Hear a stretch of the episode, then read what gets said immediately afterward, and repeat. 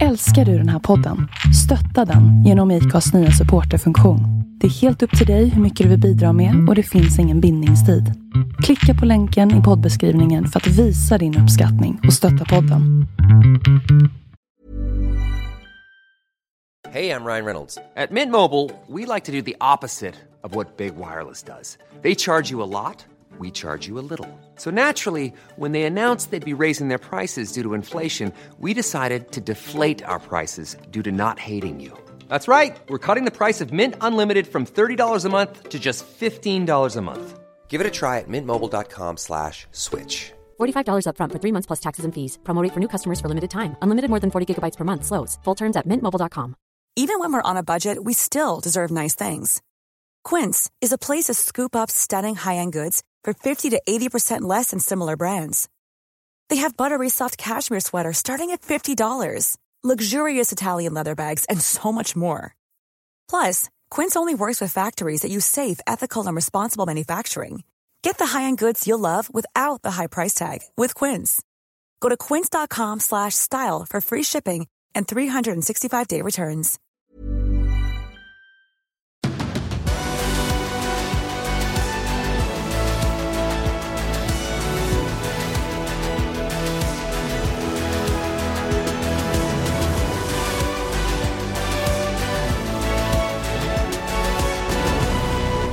Varmt välkommen, det är dags för en, en, ännu en MotoGP-podd, nummer 125 den här gången. Med mig Tobias Lajon och med Andreas Mårtensson. Och eh, Andreas, vi brukar ju börja och fråga hur läget är. Idag ska jag bara berätta hur läget är för mig. Jag tycker det är extremt skönt att prata motorcyklar. Jag vill, eh, jag vill eh, släppa eh, släppa, inte övriga livet, men det är rätt skönt att gå in i den här bubblan och bara snacka motorcyklar. Tuff dag i skolan va? Ja, det var exakt så det var. Eh, rensa, ansikt, rensa ansikte, rensa huvudet, rensa allt.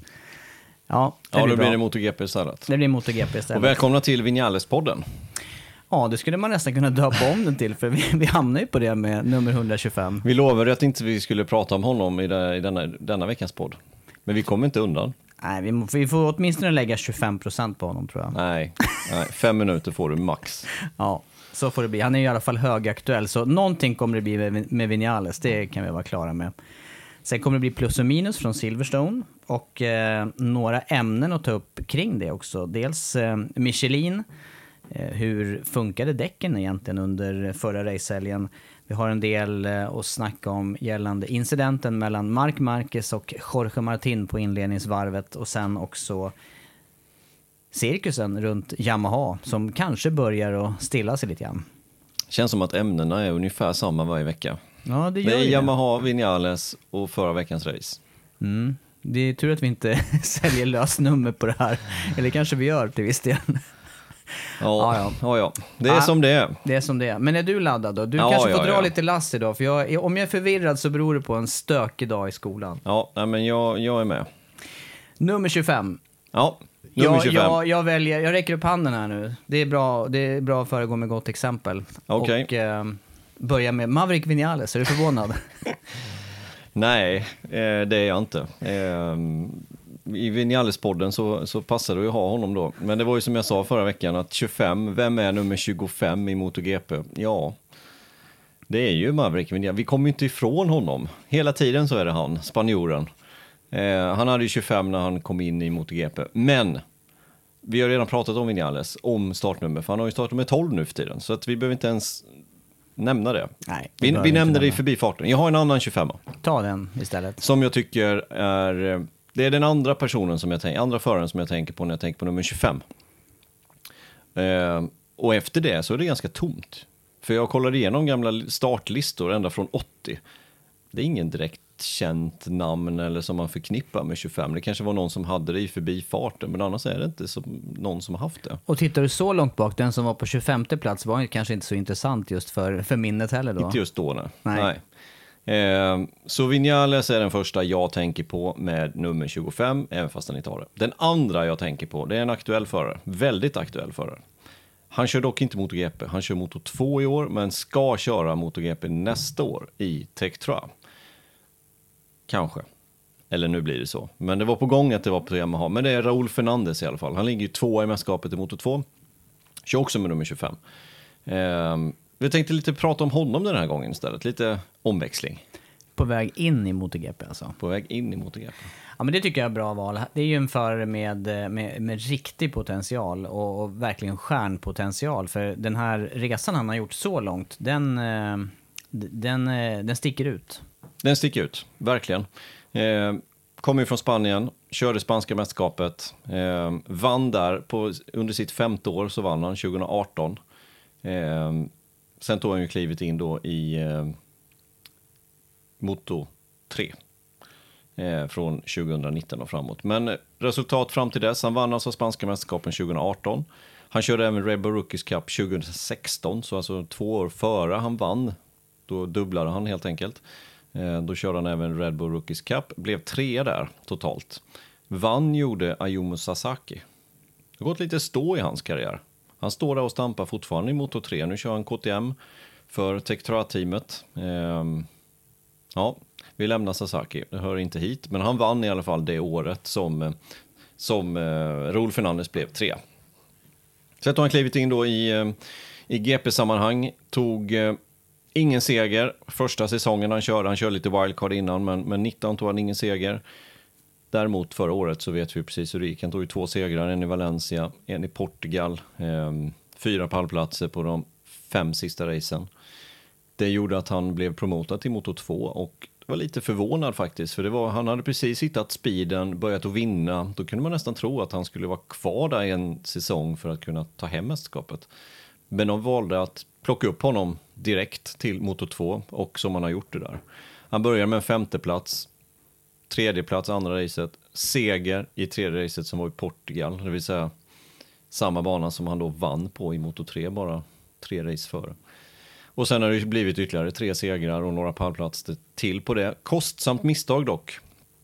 Och dålig fart från hans sida den här helgen. Eh, krasch ut i kurva 12, såg ut att skada sig lite grann, men eh, verkar inte vara så farligt. Vi såg ju bilder från boxen där och det var nog inte så allvarligt. Men eh, det gör ju att han ligger ganska många poäng efter Remy Gardner nu i eh, sammanhanget. Och så hade han ju dessutom den här kraschen på Sachsenring tidigare i somras. Och det, var ju, det satte ju också lite extra press på honom fartmässigt där. För innan kunde de ju ligga och bevaka varandra lite grann där, Remy Gardner och han i, i sammanlaget ja. också. Och, och, nu ligger han alltså, ehm, ja vad blir det nu då, 31 plus 13, 44 poäng efter då i mästerskapet. Och, och det är ju, det är ju två andra platser lite till Andra plats i Sachsenring, det var ju given egentligen om man hade fått den luckan. Andra plats här var inte lika given för han hade inte farten. Jag tror han låg 6 och 7 eller någonting när han kraschade. Eh, men det är sex deltävlingar kvar, allt kan hända. Även mm. där. Men oavsett, alldeles oavsett så är det ju en extremt eh, snabb och rak karriär uppåt. Och roligt att se den där jämförelsen också med Sasaki tycker jag. Som, eh, ja, jag hade också förväntat mig mer av honom. Han körde ju Petronas tidigare. Eh, nu har det ändå blixtrat till ett par gånger med, med, riktigt bra fart, men det finns ju inte den där jämnheten för Sasakis del. Men Nej. däremot har ju Fernandes både hittat jämnhet totalt sett. För jag menar, en, två misstag som rookie, det måste ju vara okej okay att göra. Helt eh, okej. Okay. Men han har ju ehm. dessutom en jämnhet som är extremt hög. Ja, och hittills alltså på 12 deltävlingar. Fyra segrar, två andra platser, en tredje plats. Det är bra facit. Eh, och nästa år alltså så blir det Tech Truck KTM tillsammans med eh, Gardner återigen då. Tar ju bort Petrucci, Lecona från MotoGP-teamet och så hoppar han in där istället. Eh, och det var ju ytterst nära att det blev Yamaha. De försökte in i det längsta. Den här pressreleasen den kom ju på första helgen i Red Bull Ring när vi var på plats. Att han var klar för KTM, han var inte glad över det då. För de höll på att jobba med KTM, eller med Yamaha-dealen, att han då skulle köra i nuvarande Petronas-teamet. Och vad jag har hört så höll de på hela den veckan efteråt där också och få lös Fernandes ifrån sitt kontrakt med KTM. Men till slut så gav de upp i alla fall Yamaha och där sitter ju nu då där sitter ju nu då eh, Fernandes med ett kontrakt i, eh, i KTM. Mm. Man kan ju konstatera att deras eh, ungdomsfabrik eller, eller deras eh, matarserier med Red Bull Rookies Cup och och eh, ja, det är väl framförallt den serien för KTM som, som sen gör att man har det här tillflödet av talanger. Nu har man ju nästan svårt, som du säger, att behålla förarna. Det är ju det och vi, vi har ju pratat om Fernandes tidigare i podden här och vilken väg han skulle välja och jag tror att Yamaha hade varit ett bättre spår för hans del. För att, precis som du säger, de har så pass många talanger i KTM så vad är nästa steg? Jo, men det är ju då att peta ut antingen Binder, Brad Binder eller Miguel Oliveira. Oliveira har vunnit två race. Ett race i år, två. Ett race i år. Ett race i år, två förra året. Ja, då vann han i Portugal. Barcelona vann han ju i eh, år. Ja, just det. Förra året Portugal och sen vann han ju i. Österrike. Exakt. Ehm, och det är inte jättelätt. Nu är han inne i en, i en grym formsvacka å andra sidan Oliveira, men, men det finns många förare som knackar på dörren. Gardner då, sin team, teamkamrat även i år och nästkommande år. Och sen har vi ju då Pedro Acosta och Masia. Masia kan säkert ha klivit upp till Moto 2 om någon säsong. Sen vet man inte vad det leder. Eh, Acosta känns som given i MotoGP-klassen om kanske bara tre år. Två, Ja, två jag, håller, jag håller med dig. Det är de där två förarna, Acosta som du nämner nu och, och sen Fernandes som vi är inne på. Det är ju lysande stjärnor. Ja, så jag tror att Fernandes hade mått bättre av en Yamaha-styrning. Det tror jag hade varit ett mycket bättre val för hans del, men han ville, men kom inte ur kontraktet med KTM. Och, och visst, har man bara farten så klart han kan peta ut både Binder och, men Binder har kontrakt nu till 2024 tror jag till och med.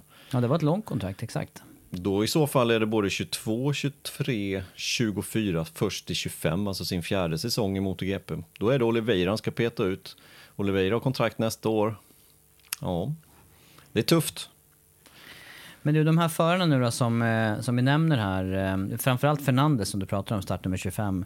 Eh, men sen glider vi in lite på Acosta också ihop med KTM här. Vad, vad är det som gör att, att de sticker ut eller lyckas så snabbt då tror du? För det är just Moto 2 som vi ser Fernandes i, den är ju extremt jämn klassen. Ja, jag, jag tror till att börja med så är de ju supertalanger båda två. Det har de visat. Men för det andra så sitter de i ett väldigt bra team.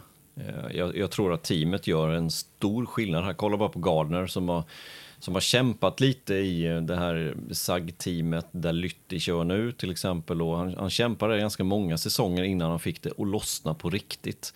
Eh, lite underfinansierat team, körde på fjolårschassin och sådana saker förra säsongen. Så direkt kom upp till Aki Ayos team så levererar de. Och, och det har vi ju sett flertalet andra förare också leverera. Kolla på Sarko till exempel. Eh, när han körde i det teamet, två titlar direkt. Eh, från att ha kört Caterham då året innan. Annat chassi och sådär, det vet jag också. Men, men han har en viss förmåga, Akiayo, att ta fram talangerna och kunna få ut det bästa av dem. Mm.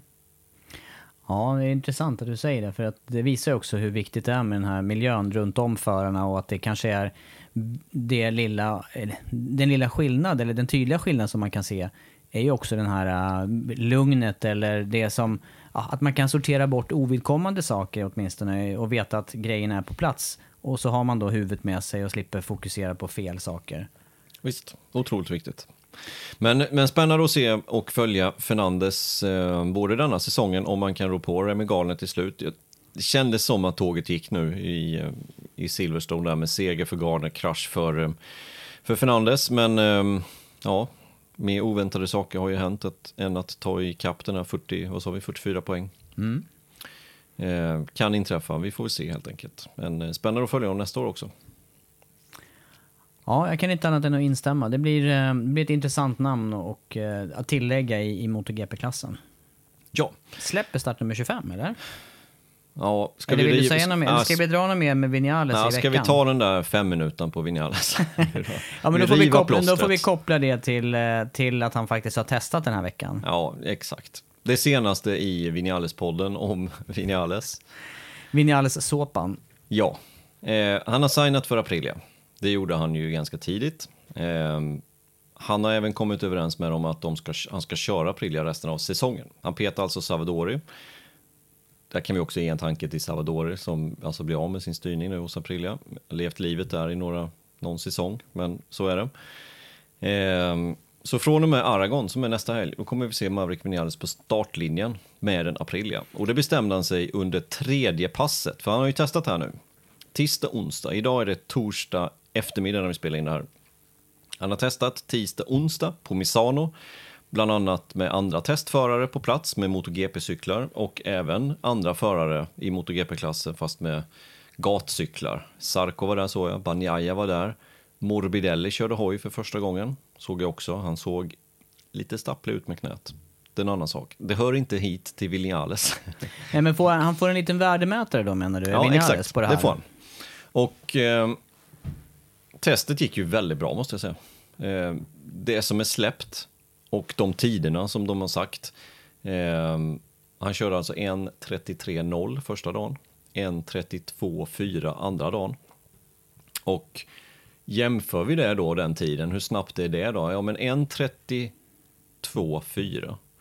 Pooltiden förra året, 1.31.0. Och det var han själv som satte den på Yamaha. 1,4 sekunder efter det alltså. Eh, bästa racevarvet 1.32.3. En tiondel ifrån den tiden. Jag vet att det är andra förutsättningar. Det är inte säkert att däcken var samma däckblandningar exakt som man körde på den här gången. Men 32.4 imponerar på mig faktiskt första testet med den eh, Aprilia. Han har ju en fördel här som vi inte har sett så mycket på, på ett par år. Det är ju det här att kunna, det är nästan en sömlös övergång här. Alltså han har ju, det har ju inte gått någon tid sedan han var i Nej. full fart. Nej. Och, och testschemat till nästa års säsong släpptes ju här för någon vecka sedan. Det är fem testdagar. Eh, Jag tror det var två på Sepang och så var det tre stycken i Indonesien på den nya banan Mandalika. Det är inget lätt schema. Säg att han hade kört Yamaha året ut, inte fått testa någonting för de här fem testdagarna och sen ge sig ut på en ny säsong. Det är inte lätt. Nu har de visserligen då de här concessions eller fördelar, så han hade kunnat testa på ett annat sätt. Men ändå vettigt och, och bra att få den här. Och eh, mitt förslag förra veckan var ju att han skulle ta den här säsongen och testa mycket och inte rusa in i race. Han gör ju precis tvärtom då och racear så fort det bara går. Förvånad. Nej, han, är inte han har ju faktiskt tagit lite tvärtom beslut många Ja, gånger. men, men, men nu är det som det är och jag kan köpa det. här. det, det kan han bara hålla huvudet här nu och om man blir frånåkt, vilket med stor sannolikhet han kommer att bli inledningsvis, första racen, att han inte mm, försöker sig på och försöka göra någonting som någonting för snabbt, alltså rusha det hela, utan ta det lugnt, acceptera att inte vinna något race här nu och sen accelerera. Jag tror att jag var inne på det här också, att Aragon hade ju varit en möjlighet just, att det är en lämplig bana. Vi har sett Alicia Sparger, och förutom raceresultatet nu i helgen som var, så har ju de tidigare bästa racen varit på Aragon flera år i rad. Visst, eh, det, det är perfekt för, för hans egen del. Han bor nära Aragon till exempel. Det är, det är egentligen hans hemmarace. Han kommer från Figueres då, som ligger lite norr om, om Barcelona, nästan på gränsen till Frankrike. Men bor i Andorra, det är inte speciellt långt till Aragon. Ja, eh, Aprilian har gått bra på Aragon, generellt sett. De har haft sina bästa resultat där. Och sen racet efter, som är veckan efter, så kom han till Misano, där han hade pool förra året, har varit och testat nu två dagar. Det är en ganska bra öppning måste jag säga på, på Aprilia-karriären. Och sen då dessutom då att göra de här tiderna som man gjorde redan första och andra dagen. Jag håller med dig där. Om man, om man bara kan hålla huvudet kallt här och skynda långsamt och, och på något vis eh, arbeta sig in i racepace och inte känna att han ska överträffa sig själv eller slå Alicia Sparger eller vara i det skiktet han, han har varit i. Eller, ja, just som du säger, acceptera läget som det är och känna att här, här är jag nu. Då tror jag också att det här kan bli en, en bra, det blir ju verkligen en kickstart på Ja. skiftet utav fabrikat. Och, och så glad uppåt som jag såg i de här intervjuerna nu efter den här, de här två dagars testet. Det, det var ju extremt länge sedan. Man, inte ens efter segern i Qatar såg man honom på den här glada nivån eh, som man ändå såg nu. Så att, ja, det, det blir nog bra till slut. Och- Aprilian som sagt ska vi ju snart hylla då i plus och minus här, men, men kommer ju direkt från en pallplats. Det är det, ja, just nu är det lite medvind seglen. Hoppas att, det, hoppas att det håller i sig då, för det kan, det kan behövas med tanke på svajigheten här och skiftande resultat för Vinales del. Det kanske var fem minuter. Jag tror det. Vi, pass, vi, passar, eh, vi passar nu då och, eh, och går vidare med nästa programpunkt. Säger du? Ja. Håller du med? Jag håller fullständigt med. Plus och minus från Silverstone. Först och främst, vi kan gå in tycker jag på plussidan här och eh, haka på det vi just pratade om. Så vi tar April- Aprilia. Mm, vi tar Aprilia. där, Första pallplatsen i MotoGP-eran. För Aprilia. Ehm, Vi har sett det komma en tag. ja, tag. men det har vi gjort. Men, men eh, vi har inte sett att Alicia Sparger riktigt håller ihop det. Eh, visat bra fart på både träningar, kval, men inte hållit ihop det på racen, blivit sexa, sjua. Det gjorde han inte den här gången. Idag, denna gången var han med ordentligt. Kanske beroende på att hans eh, bror ledde racet, så att tempot var heller inte stenhårt inledningsvis. Eh, vilken bild förresten, att se Paul Espargaro följt av Ali. När var det två bröder var i ledningen av ett MotoGP-race senast? Nej, jag, jag satt också och tänkte på det under racet där och de bröderna som jag vet figurerar på pallen någon gång, det var väl de här Aoki-bröderna, var det inte så? I Ja. fem, det var ju 500-tiden. MotoGP-eran kan jag inte minnas. Nej, jag tror inte det har skett. Nej. Så, så noga har inte jag kollat de här listorna, men, men känslan är... Jag, jag, jag drar till med någonting så är det bröderna Aoki. De var ju faktiskt tre stycken igång som, som bäst. Mm. Men kör de 500 samtidigt? Ja, osäker på det, men jag, jag tror någon gång. Jag, också, jag får också säga tror här då. En liten eh, osäkerhet. Harushika och Takuma och... Ja, vad hette den tredje nu? Nobuatsu. Just det. Takuma satt du, som körde Le Mans 24 timmars. Eh, Aoki. Aoki. Ah, Okej, vad sa jag? Sato. Sato. Han kör, inte, han kör Formel 1 va? Ja, det kanske. Har gjort. Takuma Aoki. I vilket fall som helst. Det var det jag menade. Han körde ju Le Mans 24 timmars. Och har du koll på resultat där? Nu kommer vi på Vad sidospår. han blev? Ja, nej, vi- men jag vet att han har varit tvåa som bäst i 500. Ja. 1997. Hörru, Phillip drar- Island. Var det så? Ja. Det var sista racet han körde. Sen blev han förlamad mellan 97 och 98. Och körde inte efter det Nej. racet. Nej. Och då körde han en Repsol Honda, en V-twin. Det var ju det som var En lite privat, spännande. eh, Mm, det var ju det som var spännande den där tiden. Men du, tillbaka nu. Vi håller spåret här. vi får hjälpas åt tror jag. Nu, Brödrapar som vi leder ett race. Det, Skyller det, på rörig skoldag. ja, det, det, det var länge sedan vi såg, om vi ens har sett det. I vilket fall som helst så var det imponerande att se Paul Espargaro eh, följt av Aleix Espargaro. Och denna gången så höll Aprilia och Aleix ihop det och blev trea i racet. Men du, fanns det någon, eh, jag tänker på farten där som du är inne på och pratar om på Silverstone. Där var det några, eh, var det, vilka tankar tror du fanns i början här då kring, kring fartsättningen? Var det så att Paul åkte så snabbt han kunde och Aleix hakade på eller vad, Ja. vad var känslan? Min känsla var att, eh, att Paul Espargaro valde ett tempo där han kände sig bekväm med. Jag hade inte förväntat mig att han skulle komma högre upp än vad han till slut gjorde.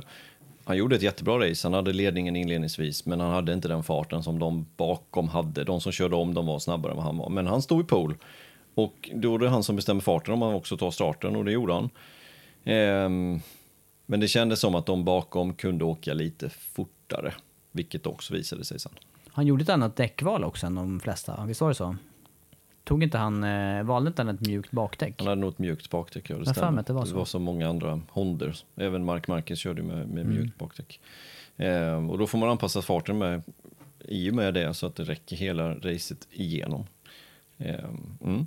Men det gällde inte för Aleix Espargaro. Och det, det är annars någonting som jag har tänkt på vad det gäller Aleix Espargaro. Det har känts som att eh, han kan sätta sina snabba varv, eller har kunnat sätta dem, eh, Eh, som du säger, på träning eller på kval när förutsättningarna har varit de rätta med däck. Och, och, men, men att det just, just att få till det här under 12 mil som ett race här verkar ha varit svårt för, för honom eller för Aprilia eller för däcken. Oklart vad faktiskt. Mm. mm. Men det fick han den här gången. Eh, och jag tror att han var hjälpt av att tempot inte var överdrivet högt. Vi såg Alex Rins som blev tvåa i racet till slut. Han kom ganska långt bakifrån och kunde köra i kapp dem framför. Det var egentligen bara Quattararo som försvann ifrån fältet. De andra eh, hade inte superhögt tempo, vilket eh, då gjorde det möjligt för Alex Rins att köra upp sig och även Aleix Espargaro var med hela vägen. Han såg faktiskt lite snabbare ut än Paul Espargaro inledningsvis. Men hade tempot varit högre där då i täten menar du, då hade kanske, då, då kanske inte hade varit möjligt att följa eller för Rins att eh, köra ikapp där. Nej, exakt. Men det, det, hela helgen kändes det som att Quattararo har en nivå, de andra ligger på nästa nivå. Det var kanske att Marquez hade ungefär samma fart som Quattararo, eller åtminstone så kunde han vara med och nosa på honom. Och sen efter dem så var resten, så kändes det som. Hela helgen. Men just Aprilian här och jag, jag vill också lyfta det här med, eh, jag vill fortsätta ändå nämna reglementet som jag tycker att, eller tycker, jag, jag, jag inbillar mig att det gör skillnaden i det här mästerskapet. Att man tillåter då Aprilia som är det fabrikat som än så länge då har, fram till helgen, saknat pallplatser. Att man får fortsätta att testa mera, fortsätta att utveckla, uppdatera under säsong och så vidare. Det är ju det som till slut gör att man kan komma ikapp och att det, att det nu är, det får vi faktiskt lyfta, det var sex fabrikat i topp sex historiskt. Ja. Det har inte hänt under MotoGP-eran. Nej, det har det inte gjort. Och det har Eh, knappt hänt i historien. Nej. Eh, var det inte någon gång på Anderstorp förresten? Det skedde senast. Jo, och det är evigheter sedan. Och det var märken som inte finns kvar idag. Precis. Det var på den svartvita tiden. Så som, skulle man nästan säger. kunna säga det. Mm. Mm. O, det var otextat. Sve- Det var svartvitt otextat och snudd på stumfilm. Jopp. Men du, eh, finns det något mer att säga om Malaysia Spargo där på plussidan? Han höll ihop det. Belöning för allt slit. Ja, eh, kul att han fick ta den där. Eh, och nu har de alltså fått en sån här poäng då. Concession point. Eh, sex poäng, då blir man av med fördelarna. Så eh, ja, det är en bit kvar dit, självklart då. Och det är tre poäng för seger, det är två poäng för en andra plats och det är en poäng för en tredje plats. Så de fick en poäng helt enkelt. Ehm, och ehm, de vill de nog ha kvar så mycket de kan.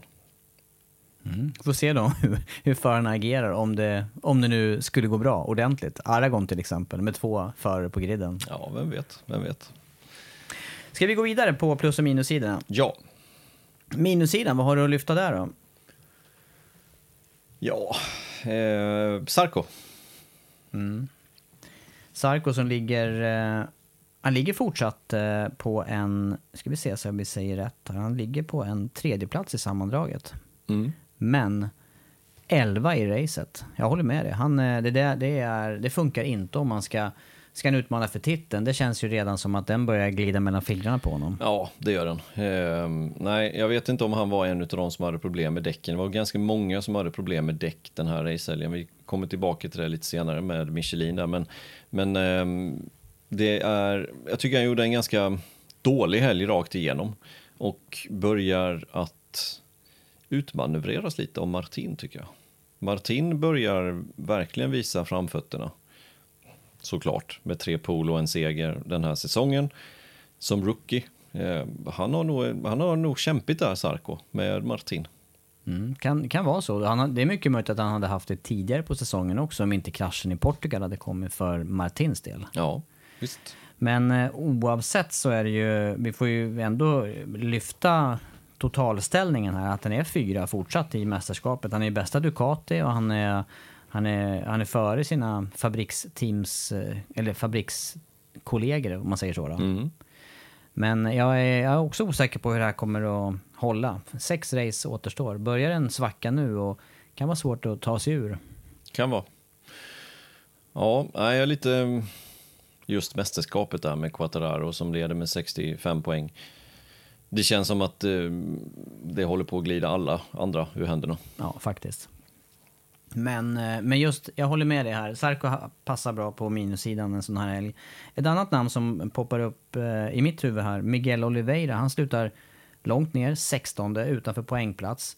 Och jag vet inte heller om det här är däckrelaterat eller om det är relaterat till den skada han ådrog sig. För att det var KTM-förare som, som lyste faktiskt. Jag tänker på Lecona till exempel. Ja, exakt. Eh, nej, men eh, vi fick en förklaring från Oliveira själv faktiskt på lördagen där, hans, hans bristande fart den här helgen.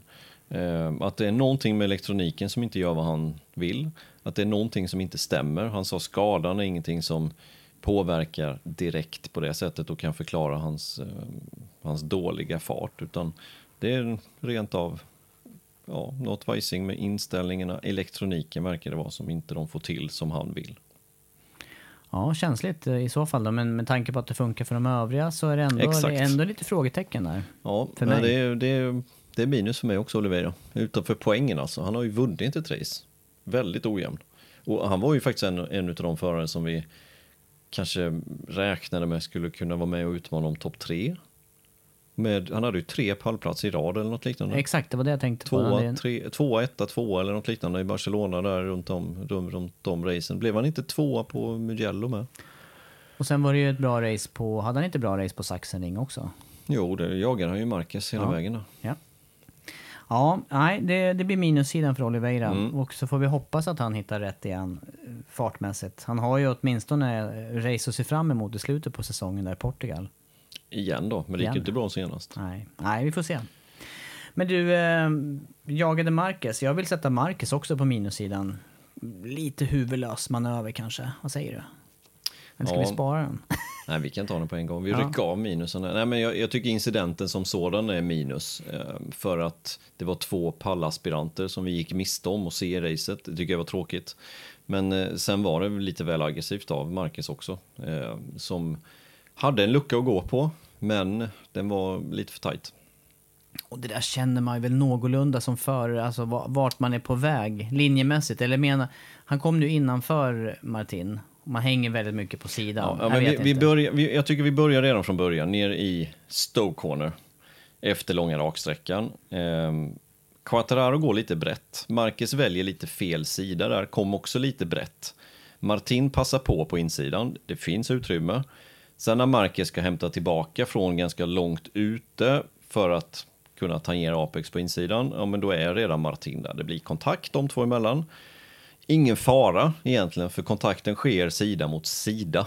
Eh, och då reder de ut det. Eh, sen kommer vi ner till nästa chikan som är då Vail. Kurva 8, 9, 10 va?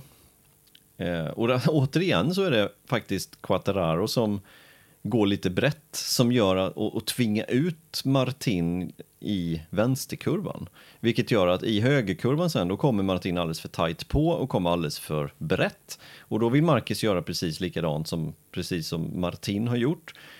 Kanske lite förgrymmad över den tidigare incidenten, vet man inte. Jag fick den känslan. Jag fick också Spontant. den känslan att Spontant nu, fick nu jag ska det. han göra tillbaka eller liksom, ja, inte, inte köra på men göra en tight omkörning. Och det finns en lucka där. Men den här kurvan är ju, den är tight och sen öppnar den upp. Och det gör att när han går in där och, och lägger på gas, automatiskt så driftar cykeln lite åt vänster. För den gör det när du lägger på gas, den driftar. Och då blir det för tight helt enkelt. Så att luckan finns, men han är, han är lite sen i den. Den är lite dålig, den, den är dåligt tajmad helt enkelt. Eh, och kontakten här sker ju inte sida mot sida, utan den sker ju lite omlott. Vilket gör att de båda går omkull istället. Så Marcus är lite före egentligen när det släpper för hans del och kontakten kommer och så drar han med sig Martin ut. Och, och hjälp mig här, nio eller tio som de går omkull i? Första högen eller andra där? När den öppnar upp? Nej, det är ju egentligen första ju. Ja. Det borde vara kurva 9 då. Ja. Men det är lite klurigt och det där, det där är ju speciellt med Silverstone. Det, de, de här kurvradierna finns ju kvar lite grann från det Ja. ursprungliga.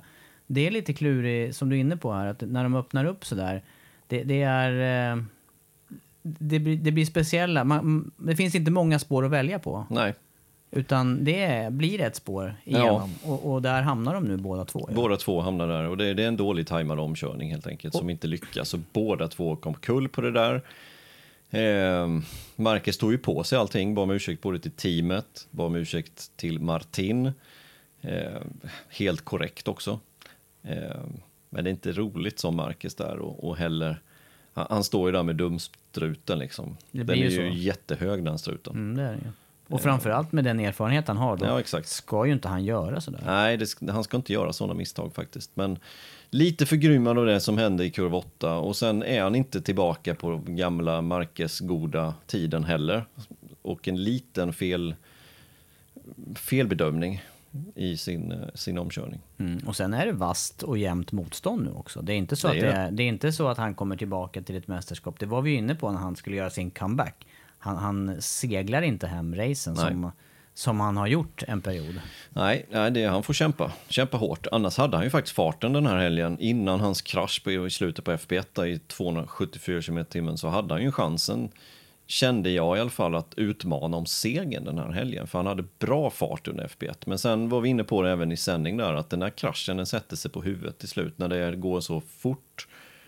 Tappar självförtroende, man tappar andra friträningen på det här grus i ögat han hade.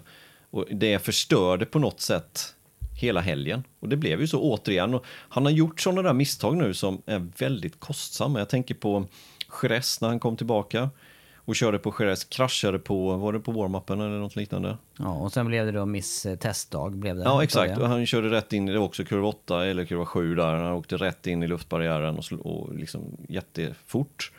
Och då missade han testdagen efter. Jättekostsamt att inte kunna få den testdagen. Och sen var det någon mer gång som... Ja, man stökar till det för sig själv på assen också, med den här uh, highsiden. Det Ja, kanske, exakt. Ja, exakt. Den highsiden där under friträningen avgjorde också att han inte sen kunde vara med högre upp när det väl gällde. Så att, för han gjorde ju sen ett bra race. Det, Exakt. det var han ju jättenöjd med. ja, men, han, utifrån de han förutsättningarna. startade 20 eller något Japp. liknande. Han kom inte vidare på grund av den kraschen också. Så att han har gjort några sådana här krascher här nu som har förstört hans helger.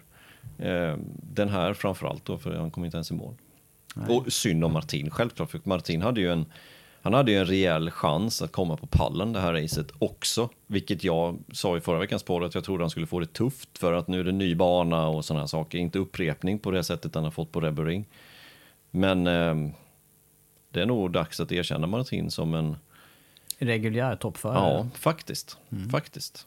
Men det var också roligt vad Martin eh, sa efter det här. Jag kan, fick- inte du, kan inte du berätta det här? Jo, men jag fick lite, jag fick lite 2011-vibbar där. Eh, visserligen så var det en världsmästare då som sa till en niofaldig världsmästare, eller åt, sjufaldig MotoGP-mästare. Jag pratar om Stoner som sa Your ambition outweighed your talent, Till Rossi. ja. obviously. sa han till, och med. Ja, till Rossi då efter den här incidenten i Jerez då.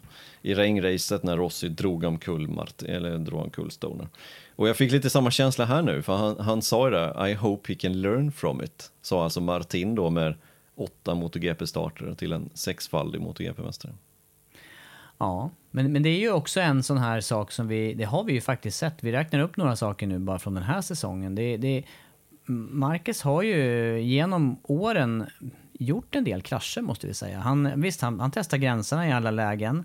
Eh, men med, med åren här nu så känns det som att, ja, efter, särskilt efter senaste skadan, så har han nu har, han, nu har han kanske behövt eh, pusha gränserna mer än han har behövt göra på några Ja. år för att kunna komma tillbaka. Och då är han tillbaka lite. Då är han inte den här, eh, på banan är han inte den här sexfaldige världsmästaren, inte de här lägena. Nej, alltså den kraschen jag gjorde där på FP1, alltså den högfartskraschen, onödig. För han hade varit inne i depån, ut igen, samma sätt däck, tre minuter kvar av träningen eller två. Och så ett kallt framdäck då och så går han kul på det. det. Det kändes... Han var ju den första som gjorde det, sen var det ju flera som gjorde det under helgen och med att fler förare gör det, desto mer vet ju de andra förarna om detta problemet. Han var ju först som gjorde det här. problemet, gjorde det här. Men det, det kändes onödigt på något sätt med två minuter kvar. Han var redan snabbast, han behövde inte pusha gränserna.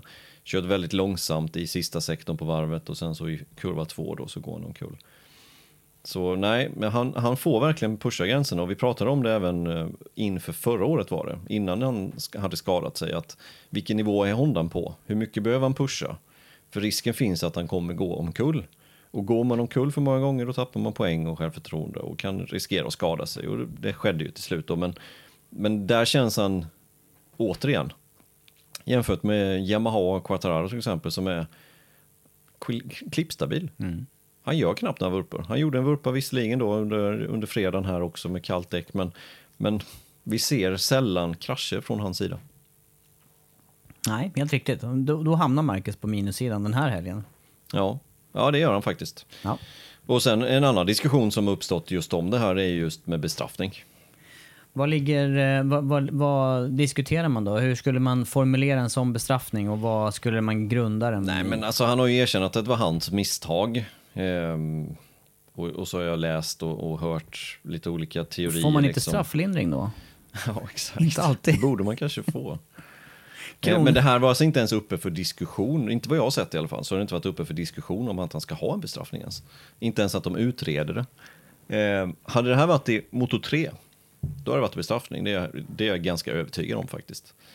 Varför inte i samma regelbok som gäller Moto 3 och Moto GP kan jag inte riktigt för, förklara, förutom att man vill på något sätt tämja unga förare. Och när man kommer till MotoGP-klassen så ska det finnas lite lösare tyglar på något sätt. Det är väl det jag kan känna. Men jag tycker som du, att man ser mellan fingrarna på en del eh, överträdelser. Och det, det är det här också att köra långsamt på varv. Ja. Jag är osäker på, nu har, det har inte jag heller detaljstuderat, men, men eh, vi, vi ser ju ofta MotoGP-förare också eh, slå av Mm. väl mycket. Och jag undrar om de här håller sig inom, inom den tid som ska. Nej. Ehm, Och det blir inga och, följder. Och, då är ju reglerna lite olika då. Och det, det är kanske så det ska vara också, inte vet jag. Eh, Jag kan inte riktigt jag har nog in, kanske ingen riktig åsikt i frågan just nu, men, men eh, det hade nog kanske... Man kunde, att, man kunde utrett den här frågan kanske, kan jag tycka. Sen tycker inte jag att det ska vara en bestraffning för Marcus. Jag tycker inte det. Jag, jag tycker att det måste finnas någonting som kallas för race incident fortsatt. Det här tycker jag är en race incident. Det var inte med mening som han satte av Martin.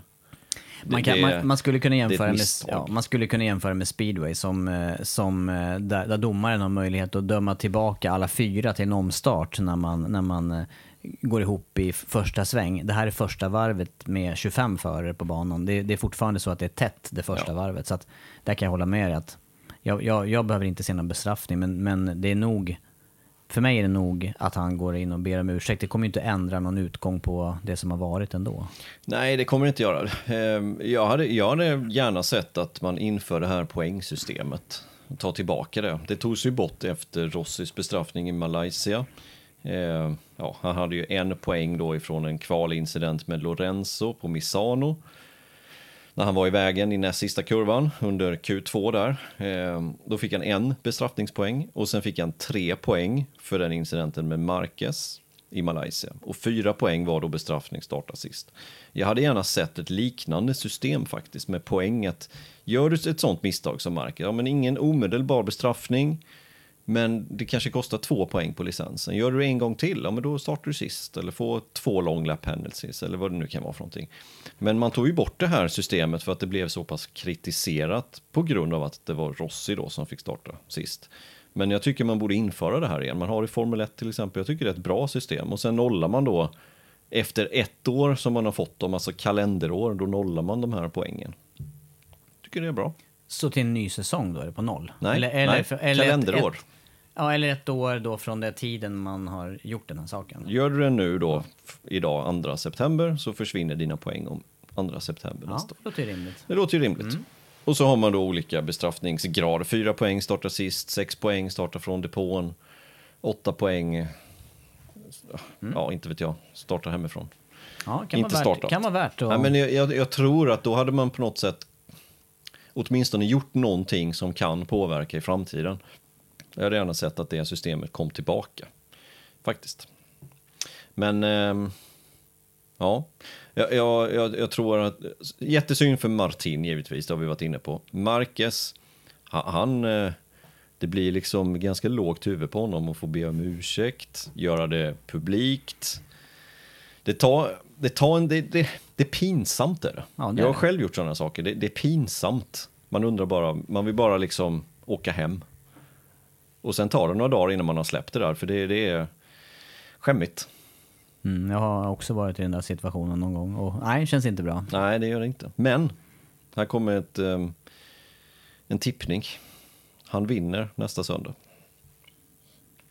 Det ska vi inte prata om nu, för det är Aragon nästa vecka. Ja, vi får spara det. men- Vänstervarv men, eh, och, och favoritbana. Han kommer komma tillbaka, Marquez. Och på något sätt, när man är på en väldigt låg punkt, då brukar man slå tillbaka med full kraft. Och det tror jag han kommer göra nästa vecka.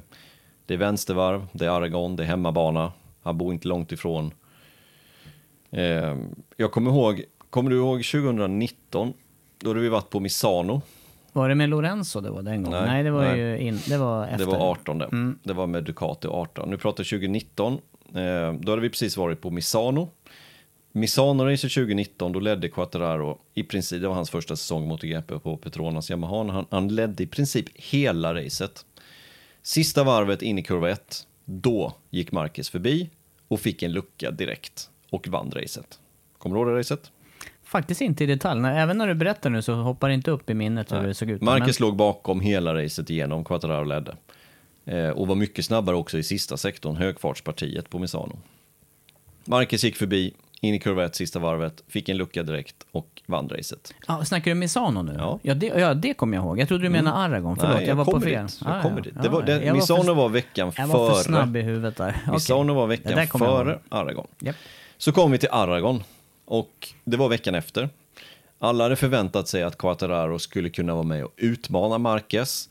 Ehm, för han kunde ju göra det en vecka före på Misano. Så kom vi till FP1 och det är ett klassiskt klassisk bild på Johan Stigfeldt och Raslan Rassali som tittar upp mot tid, tiderna, live-timingen med öppen mun och bara gapar.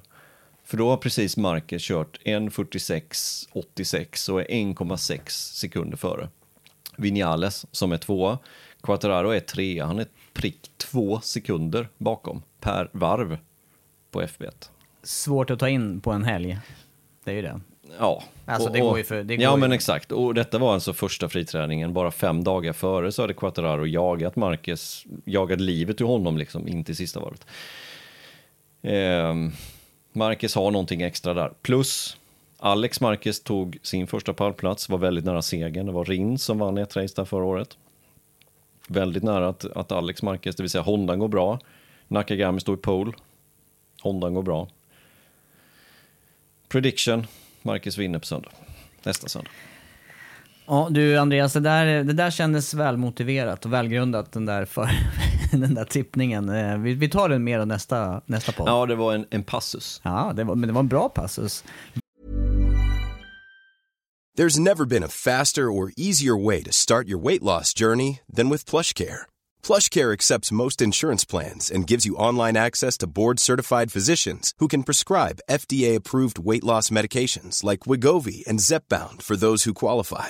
Take charge of your health and speak with a board-certified physician about a weight loss plan that's right for you. Get started today at plushcare.com slash weight loss. That's plushcare.com slash weight loss. plushcare.com slash weight loss.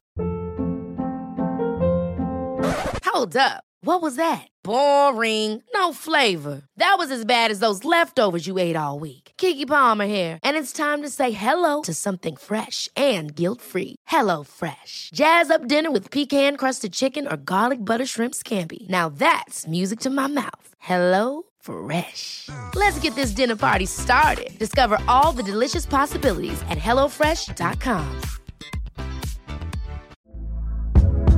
Hey there, it's Michelle Norris. I'm host of a podcast called Your Mama's Kitchen. When I travel, I'm usually looking for a way to find a taste of home when I'm not at home. And one of the things I love to do when I am at home is entertain. And Airbnb allows me to do that. When I was in California recently, I rented a house that had a great kitchen. And when we were sitting around the table, we we're all thinking, we're in someone else's house. Someone could be in all of our homes as well. If you have a home, but you're not always at home, you have an Airbnb. Your home might be worth more than you think. Find out how much at airbnb.com/slash host. Väl förberedd. Du, eh, vi har ett par namn på plussidan, som jag tänker i alla fall. Om vi nu knyter an till Silverstone här. Hur många ska vi ta på plus? Jag kan säga sex stycken. Det var många som överträffade sig själva, som gjorde bra resultat och som gjorde... Ja, vi, jag skulle vilja ha med Alex Rins till exempel, som hamnade tvåa. Nu blir det pallen då. Vi börjar med Aleix Espargaro, men Alex Rins gjorde en bra uppkörning och Ja, stabil andra plats. det gjorde han. Och äntligen fick han lite valuta för farten som han har haft den här säsongen. Eh, han eh, mäktade inte med Quattararo. Det hade vi inte förväntat oss, men han slog resten. Och eh, det är gott nog på den banan som, som han vann på då för två år sedan. Han har någonting extra verkar som på just Silverstone. Eh, kan det här hjälpa Alex Rins fortsättningsvis här nu säsongen? Just resultatet? Jag tror det. Han behövde ett riktigt bra resultat för att sänka axlarna lite tror jag. Faktiskt. För det har varit mycket nollor, det har varit mycket klantgrejer. Han cyklade in i det arbetsfordonet i Barcelona bland annat. Eh, det, jag tror han behövde det här nu och jag tror att det kommer gå bättre. Nu är det Aragon, där vann han som sagt. Jag kommer inte ihåg om det var race 1 eller race 2, jag tror det var race 1 som han vann. Ehm, följt då av Alex Marquez på en annan plats. Men, men ehm, vi kommer dit nu och där funkar det bra förra gången, så varför skulle det inte funka denna gången? Jag tror att han kan absolut sänka axlarna och vara snabbare. Men mästerskapet är ju kört för hans del. Ja, det är det. Men det gör också kanske att eh, chanserna ökar till eh, segrar. Han behöver ju Ja. inte egentligen hålla igen och spara. Och, och, han har ju råd på det sättet att att gå omkull eller chansa lite grann. Jo. Så att eh, kanske fler toppresultat utav Rins. Sen är det inte så, det är, det är svårt att utelämna Quartararo på plussidan. Han, eh, han gör ju ett eh, perfekt utfört race. Jag vet att vi i direktsändning pratade om hur han metodiskt och successivt plockade placering efter placering Och när han väl gick upp i ledning så, så skapade han en liten lucka som, som han kunde kontrollera som han ville egentligen. Ja, han, han är ju i en extremt bra form alltså. Ehm, det, går, det går knappt att det går knappt att säga mer egentligen. Alltså det, det är riktigt starkt jobbat, riktigt bra kört. Ehm, och han gör precis allting rätt faktiskt. Det var den där lilla kraschen då på fredagen då med kallt bakdäck, hårt dessutom, som, som kunde blivit dåligt, men som inte blev det. Ehm, men han, han påminner lite om Lorenzo alltså, måste jag säga, när han metodiskt arbetar sig fram och sen så när han väl är i täten så är det morsning, nu drar jag, vi ses på pallen. Och för, så då, är det. för då hamnar han ju också i det läget, i ledning, då hamnar han ju i det läget som Yamaha-förarna vill vara i, som också Vinales klarar av när han, när han väl Ja. är där uppe. Ja, Köra sina spår, köra sin fart, eh, bevara däck. Han hade ju ett däck att ta hand om här under racet. Ja, det mjuka framdäcket, men det var ju absolut inga problem för hans del att ta hand om det. Låg inte i trafik, låg längst fram, låg trafik inledningsvis bara, men sen låg han ju längst fram, kunde ta hand om allting och bestämma farten och han hade ju, han hade ju lätt en halv sekund till per varv om han hade behövt.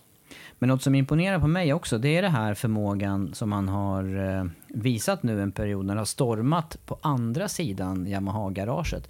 Han har på något vis, han har svarat nästan lite kaxigt på de här frågorna om hur han ser på nya teamkollegor, Vinales problem och liksom, då har han varit väldigt tydlig med att jag kör för mig och det är en individuell sport och så vidare. Eh, men, men det kan ju inte undgå honom ändå att att veta att det liksom är rörigt där. Å andra sidan kanske det blir plus tillbaka på Jag honom. tror det. Jag tror det. Eh, För att allting handlar ju att det, det, det, det växlar ju över till hans axlar på något sätt. Att men, de tror på mig nu. Det, det är jag som ska försvara de här färgerna och det kan vara ett plus faktiskt. Eh, Och sen hörde jag här i veckan att han, han kör knappt med någon traction control. Utan sköter det mesta genom högerhanden bara. Det är också någonting sånt där som vi hör att när en förare är i toppform, bra självförtroende, ja men då stänger man av den för att då kan man kontrollera själv. Samma sak när, man, när, vi, när, när Stoner var i, i absolut slagläge, dels på ducken och dels på Repsolhonden. Det var inte mycket traction control då heller, utan då skötte han det med högerhanden och det är någonting som vi ofta hör. Ja.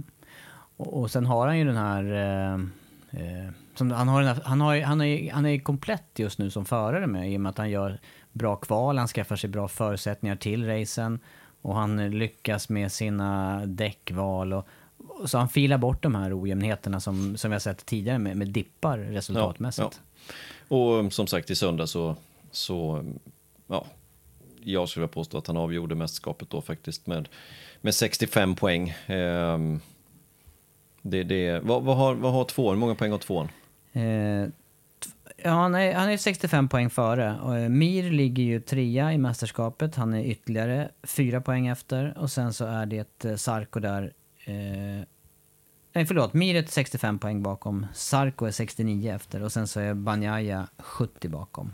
Du tänker på hur många poäng de har kört ihop totalt? här? 141 poäng har Mir. Och vi har kört 12 race. Det är alltså ett snitt på 11,75 poäng per race. Det är sex race kvar. Med samma snitt som Mir har gjort hittills den här säsongen så kommer man ta ytterligare då 70,5 poäng till. Och han leder mästerskapet med 65. Kommer räcka. ja alltså Han, han kan sänka sin nivå ganska rejält. Mir kommer säkert att ta fler poäng än man har gjort hittills den här säsongen i de avslutande racen. Annars så kanske Sarko eller Banjaya som jagar där bara några poäng efter kommer göra det. Men, men de kommer inte rå på Quattararo. Eh, En skada nästa race så att han är borta resten av säsongen. Ja, kanske. Kanske. Nej, precis. Det är kanske ändå. Men, det, men kommer det, han i mål i något race till så, så då kommer inte de andra komma ifatt. Det är alltså sex race, 150 poäng för att förtydliga. Det är det som återstår att köra om. Ja, och Mir har tagit 11,75 poäng i snitt. De här racen som har kört Ja. som är 12. Det, det, det ser mer och mer ut som Quartararos Ja, mästerskap och förlora. Det, det, det kan vi vara säkra Ja, på. ja, det är hans mästerskap att förlora. Och, och enda sättet han kommer förlora det på, det är en skada. Ja, ska vi eh, gå vidare från plus och minus till eh, det, som, det som var ett stort samtalsämne efter racet och det vi har varit inne på lite grann. Jag Kommer- tycker ändå vi måste lämna på plus här nu. Nu har vi bara tre plus, men jag vill, jag vill ändå lämna en Lecona. Grymt bra race, faktiskt. Binder, lika så. Alex Marquez, även det. Faktiskt. Ja, ja, ja, jag håller med. Och kanske, kanske går det, vi vet inte fullt ut, det kan ju gå att koppla det här till däckens eh, eh, ja, performance eller vad de, vad de kan leverera eller ge tillbaka till förarna. För att det, börjar ju grymtas mer och mer kring det här. Och, eh, nu, nu vet jag att du vill komma till nästa ämne, men vi ska göra det. Jag vill bara säga Binder, sexa, Lecona, sjua, Alex Marquez, åtta. Eh, och sen vill jag även nämna Paul Esparger då, som passar på Repsol Honda, står i pole position.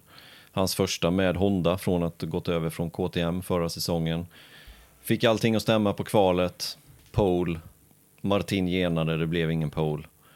Eh, ja, jag ville bara det sagt på plus också. Jag tycker vi ska lyfta de fyra förarna faktiskt. Nu ska vi prata om nej, det tycker, nej, det tycker inte jag. Nu ska Nej, vi, nu ska vi okej. hålla, nej, nu, vi- nu Nu ska håller vi, vi kvar Nu ska vi då. plötsligt ha sju plussar. Nu ska vi, Okej, Ja, ta ett till då. Nej, jag skojar. Ja, det här skojar jag faktiskt med. Ta ett, ja, men Nej, jag, jag tar ett till då. Jag tar ett till.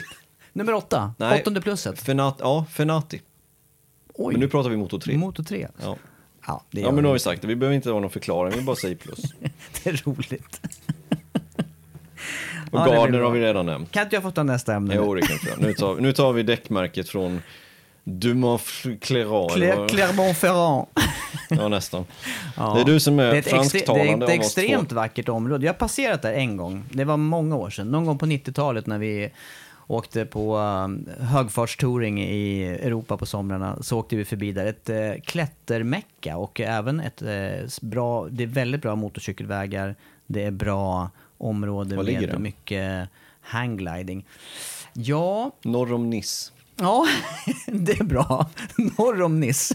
Det kan Ja, men ligger det där vid men gränsen till Italien, eller? Nej, inte riktigt. Ja, centralmassivet någonstans. Men det här, nu, det här måste jag också lämna. Jag har inte kartan framför Nej, mig. Men det är, det är hyfsat bergigt och det är inte, det är inte så brant som, det är inte så bergigt som Alperna. Men det är, eh, det är stora nivåskillnader och, och väldigt bra, vackra landsvägar och, och bra berg att hoppa, hoppa ifrån, klättra ifrån och ja, äventyrs, äventyrssporter. Ja, Bra klimat. men de får ha Eh, fått lite kritik va? De har fått lite kritik där och eh, det handlar ju om, eh, som alltid kanske när det, han- när det handlar om ett fabrikat. Det finns inget fabrikat som kommer undan kritik när alla ska ha samma förutsättningar. Vi har varit, vi, så sent som i Silverstone så snackade vi Triumph och motorer. De har förnyat sitt kontrakt. Det måste vara, man måste leverera högt och, och framförallt så måste det vara jämn kvalitet. Och där har ju både du och jag på olika fabrikatdäck varit med om att man har fått ett däck eller ett set eller liknande som inte håller måttet. Och det blir ju tydligt när allt annat är så jämnt som det är just nu i MotoGP. Ja, det är verkligen. Det, det måste vara jämna däck. Ibland så får man ett däck som inte levererar det det ska. Det kan så vara, om det är enstaka. Eh, men det var det inte den här helgen. Den här helgen så var det dels Miller som, som klagade på kvalet, att han fick ett dåligt däck. Sen i racet så var det Mir som, som eh, klagade på dåligt däck fram. Det var Banjaya bak. Det var Rossi bak. Och det var Dixon bak. Det är de som jag vet på rak arm här nu som det sägs om att de fick ett dåligt däck helt enkelt som inte levererade det fästet eh, som det ska. Och det är för många och, och det... Ja, vi får väl se. De, de har garanterat lite puls här nu alltså i Frankrike och hos Michelin för att förklara det här och, och komma till bättring vad det är som har skett. Eh, det är en komplicerad process där med däcken. Det är, och det är ju det enda som är mot asfalten, så det är ju extremt viktig del. Det är ju den viktigaste delen på hela motorcykeln. Eh, jag eh, tänker på en sak här. Som historiskt sett så, så har det varit så med Michelin-däcken att de har fungerat i ett väldigt litet temperaturspann. Koppla det till de här andra parametrarna med elektronik, med förarens förmåga och, och och behåll, eller köra på ett visst sätt som, som bevarar däcken i rätt temperaturspann. Och jag, alltså jag, tror att det blir, jag tror att man inte enbart kan förklara det här med att Michelin gör eh, däck som är eh, ojämna, utan kanske har, har det att göra också med hur de här, de här Ja. faktorerna som, som jag nämner här. Och det skulle jag också komma till, att Eh, detta är ju vad förarna säger. Att men jag fick ett dåligt däck, det levererar inte det fästet. Men nu är det så pass många som fick det. Vi vet att temperaturen var ju lite svalare. Det var svalare på söndagen. Eh, är, vi, är de säkra på att det är så här? Verkligen? Det var, inte, det var inte den riktningen teamen hade jobbat innan helgen, eller, eller under helgen. Är det lite så du är inne på? Ja, men när det blir lite svalare och du säger ju själv att, att den fungerar väldigt litet temperaturspann. Det kan ju vara små, små, små saker som avgör om det kommer fungera eller om det inte kommer fungera. Det kan skilja fem grader i asfalten, det kan vara vind som ligger på ett annat sätt som kyler ner asfalten, kyler ner en viss sida av däcket. Det kan vara många olika parametrar. Det kan vara åka i grupp, åka själv. Absolut. Det kan Hur du inleder racet, vilken pace du har i början. Ja, och, och nu är det många som de säger inte det direkt ut för att då får de en reprimand ifrån Dorna och, Michelin. Det får inte förekomma något skitsnack om enhetsdäcksleverantören. Men det man hör bakvägen det är att de tror att det är ett dåligt däck. Men jag tror inte att det är hela förklaringen. Det, det kan säkert vara så emellanåt. Men eh, Quattararo har aldrig dåliga däck. Han har inte det? Nej. nej. Han är fransman visserligen då. Han är, fabriks, han är fabrik. Han är fabriks-Michelin för. Han kör eh, verks, verks Michelin. Nej, det, det, är inte så, men, men eh, han skulle ju aldrig gå ut och klaga på Michelin-däcken i alla fall, det kan vi vara så säkra på. Men, men eh, det, det, det strular ju oftast inte för honom, utan det är ju de andra som har strul. Ja. Och varför strular det inte för honom? Jo, men han kanske har lite mer marginal, han behöver inte ligga i trafik och så vidare.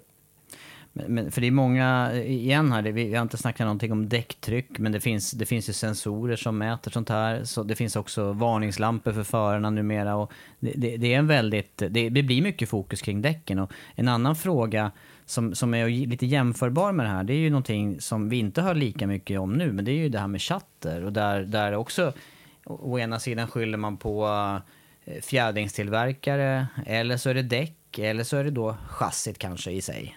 Ja, visst. Och det, det här är ju... Det, det, jag tror inte heller att det är så lätt som att, som att lägga det här på, på Michelin. Det är tydligare de gånger tycker jag när det då har farit gummibitar när man kan se liksom koden titta fram. Eh, men det kan, också, ja. det kan också ha sina förklaringar.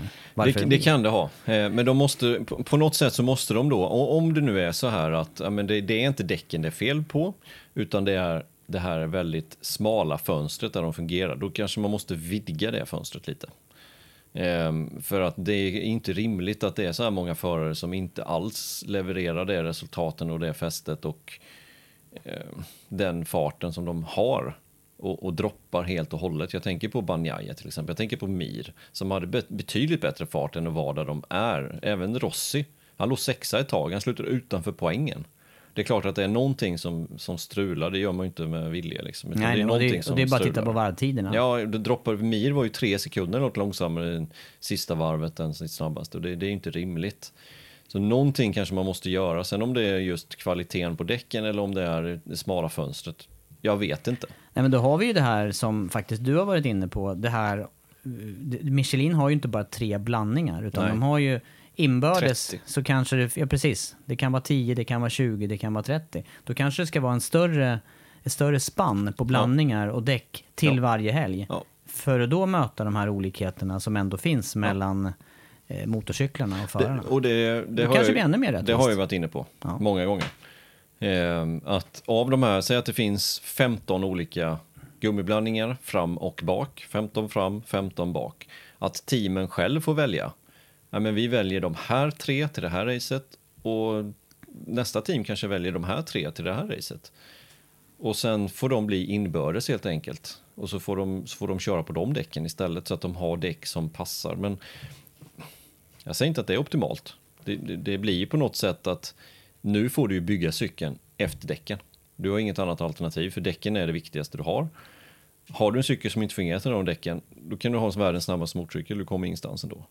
Så, så ja, det är ju en del av tjusningen också på ett sätt, för det blir ju mycket jämnare och det är ju jämn racing vi vill se.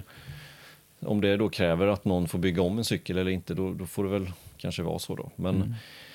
det är en komplicerad process det här med däcken. Det är, alla däcken görs ju för hand kontrolleras för hand, eh, skeppas i, i eh, temperaturreglerade containrar på ett visst sätt.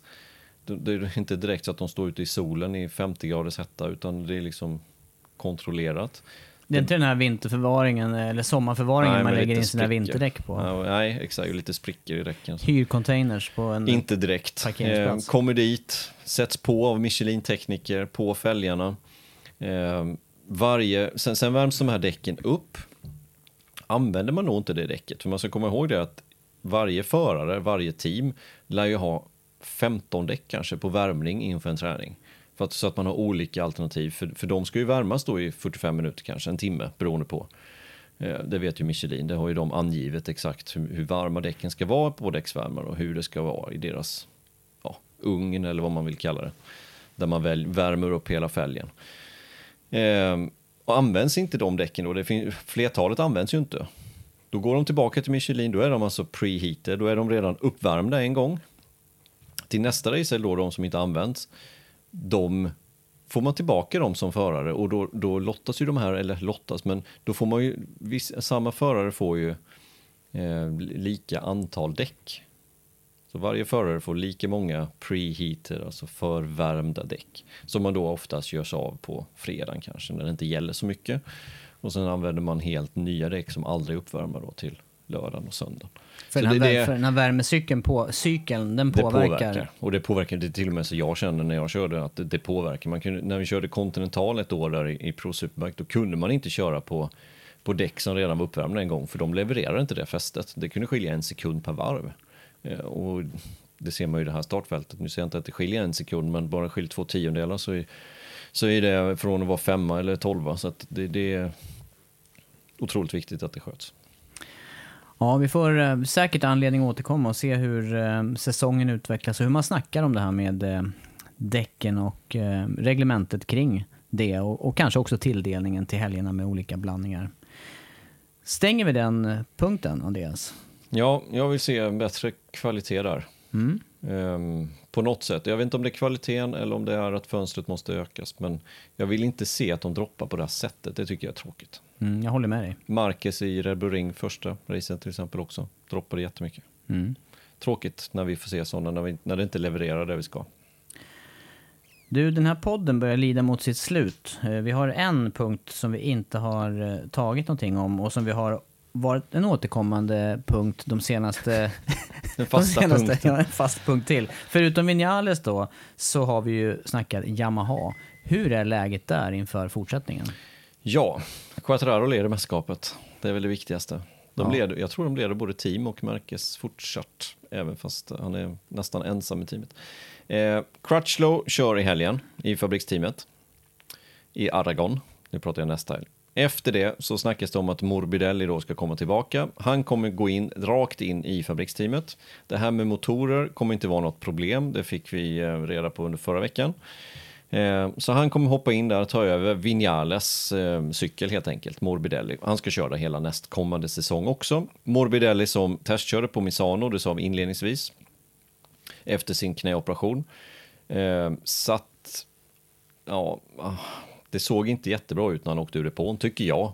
Han fick hjälp, han satt på cykeln när de tog ner stödet och ja, det kändes som att det är inte 100% än. Det känns ju, alla knä, alla som har gjort illa knä eller någon led vet ju att det känns, det är en vinglig känsla där och Ja. är, det är en, ihop med motorcykel är inte helt lätt. Inte helt. Men han ska inte köra maraton ju. Han ska inte springa ett maraton. Då hade det varit värre. Eller det var- spela ja, det fotboll hade varit jättedåligt ja, det, också. var- det är sant. Så det är ju bra i sammanhanget då. Eller åka skidor hade varit jättedåligt också. Ja. Alpint. Ja. Det finns många saker som är värre än att åka motorcykel. Det är så man får tänka. Eh, men han kommer köra resten av säsongen. Eh, I eh, Petronas Yamaha så kommer Rossi fortsätta. Det vet vi, under den här säsongen då. Aragon-helgen så kommer det vara Dixon på cykeln igen. Eh, och i motor 2 då så, så tar Dixon styrning i motor 2 så kommer McPhee hoppa in där under Aragon-helgen. Tycker jag är kul. Och det blir istället för Norodin som körde här på Silverstone. Norodin ersatte ju då Dixon i motor 2 förra helgen och gjorde ingen succé alls. Istället får McPhee chansen nu då. Nu får McPhee chansen, ja. Eh, det tycker jag är kul. Ehm, att han får hoppa in i motor 2-klassen istället. Ehm, och så Dixon. Och så till Misano-helgen, då kommer ju Dovizioso att köra på den cykeln. Petronas cykeln istället för Morbidelli då som kör i fabriksteamet. Så från och med Misano-helgen så blir det alltså Quattararo, Morbidelli, Rossi, Dovizioso. Och vad gäller för Dovizioso framåt då? Vet man någonting där? Det vet man. Dovizioso ska köra resten av säsongen på Morbidellis eh, lite äldre cykel, i Yamaha, som en förberedelse egentligen inför nästa år. Eh, då Petronas då, som inte kommer heta Petronas-teamet utan det kommer heta någonting annat. Gissningsvis någonting med en italiensk sponsor där, With You. Vi får väl se när de offentliggör det. Men ryktena går ju starkt att det är huvudsponsorn. Dovizioso som en förare eh, med fabriksmaterial, det vill säga 2022 års specifikation eh, i det teamet tillsammans med Darren Binder eh, som ryktesvis då kör med fabriksteamets, årets fabriksteams grejer.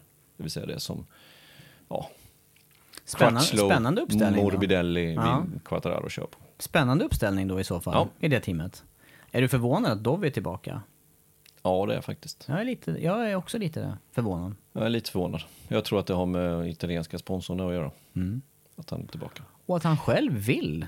Jag, jag tycker det är kul på ett sätt att Dove är tillbaka. Det är välkänt namn och sådär, men... Mm, ja, han är inte purung. Nej, det är inte den nya införseln, in, Nej. inflödet av Martin till exempel, eller Fernandes eller Tänk, tänk eh, Fernandes. Raúl Fernandes. Raúl Fernandes och eh, kanske till och med vi har pratat om Lecona gjorde ett bra race. Ike Lecona och Fernandes. Nu blir det Darren Binder istället då. Helt Eh, oprövad såklart. Ja, han är oprövad, men han är ändå... Ja, han, har ju, han får mycket lovord i depån. Att han är någon, en framtidsnamn helt enkelt, så vi får ju se. Eh, Han har även testat på Bruno, har vi vet vi ju, för några veckor sedan körde han ju där. På, jag tror det är en, en R1, eh, ingen M1, utan en, en R1. Kommer säkert bli jättebra för, för De Binder. Eh, nu tycker jag Dixon gjorde extremt bra ifrån sig på hemmaplan, faktiskt. Riktigt bra ifrån sig på, på den cykeln och det känns som att han passar bättre på en stor cykel än på en Moto 2.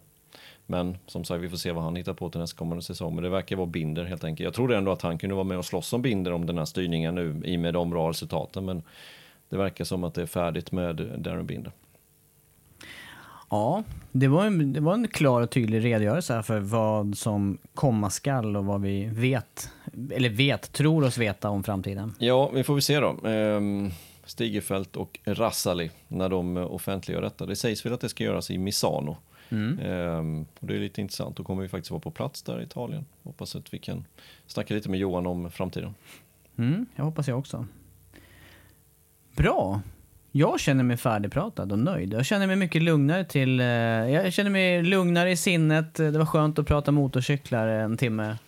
Lugna, lugna kroppen lite grann. Har vi missat något? Nej, jag tror inte det. Jag har... Eh, nej, nästa gång ska vi snacka Aragon. Vi har missat att, att tacka våra lyssnare. Stort tack till alla som stöttar oss. Så vi kan podda här och få lite annat i huvudet. Precis. Då behöver man inte anlita någon, andra, någon annan prathjälp. Nej, det gör vi här. I denna monologen. Precis. Bitvis monolog, ibland dialog. Ja. Sällan tyst. Sällan tyst. Nej, ja, nej men eh, bra. Nästa vecka så är det alltså startnummer 26. Det vet jag vem det är. Ja, det, det vet jag också. Den är klockren, Den kommer jag också... Jag tror vi kommer pricka samma där. Ja, jag tror. Du vet att jag har kört med, jag brukar säga det, jag har också kört med 26. Du har kört med de flesta nummer. Det är Ser du? nummer ett. Ser du? Och... Ja, jag ser jag, på en bild jag pekar faktiskt. nu på en, ett på foto bild. här på min vägg. När jag 250 GP. pek- 250 GP 2005, då körde jag med nummer 26. Mm. Var du 26 år då eller? Eh, Nej, det var det inte. Det var inte. Jag var lite yngre faktiskt. Ja. Du, eh, nu avrundar vi tycker jag. Tack för idag. Tack.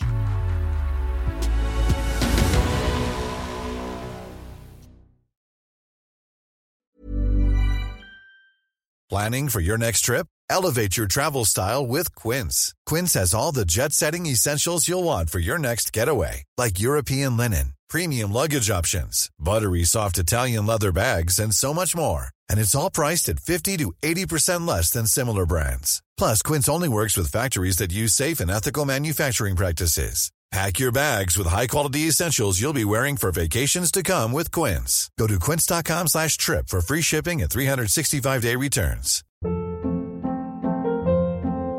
Hold up. What was that? Boring. No flavor. That was as bad as those leftovers you ate all week. Kiki Palmer here, and it's time to say hello to something fresh and guilt-free. Hello Fresh. Jazz up dinner with pecan-crusted chicken or garlic butter shrimp scampi. Now that's music to my mouth. Hello Fresh. Let's get this dinner party started. Discover all the delicious possibilities at hellofresh.com.